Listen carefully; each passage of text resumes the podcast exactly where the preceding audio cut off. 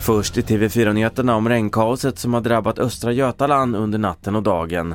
Värst drabbat är Linköping som fått 96 mm det senaste dygnet och där mer regn väntas vara på väg. Vilket gör att räddningsledaren Peter Skräddar tror på fler larm under eftermiddagen och kvällen.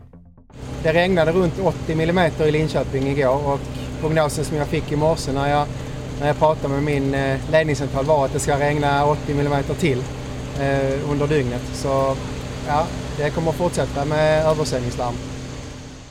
I Libyen har antalet döda i stridigheterna i huvudstaden Tripoli stigit till minst 32. Dessutom har runt 160 personer skadats uppger hälsodepartementet i landet. De två rivaliserande grupper som kämpar för varsin premiärminister skyller stridernas skador på varandra. Sist om att Sverige ska bistå med experter för att se till att spannmål kan exporteras landvägen från Ukraina. Det meddelar statsminister Magdalena Andersson idag. Enligt statsministern är det ett arbete som redan pågår i EUs regi, framförallt via Rumänien. Fler nyheter på tv4.se. Jag heter Carl-Oskar Alsen.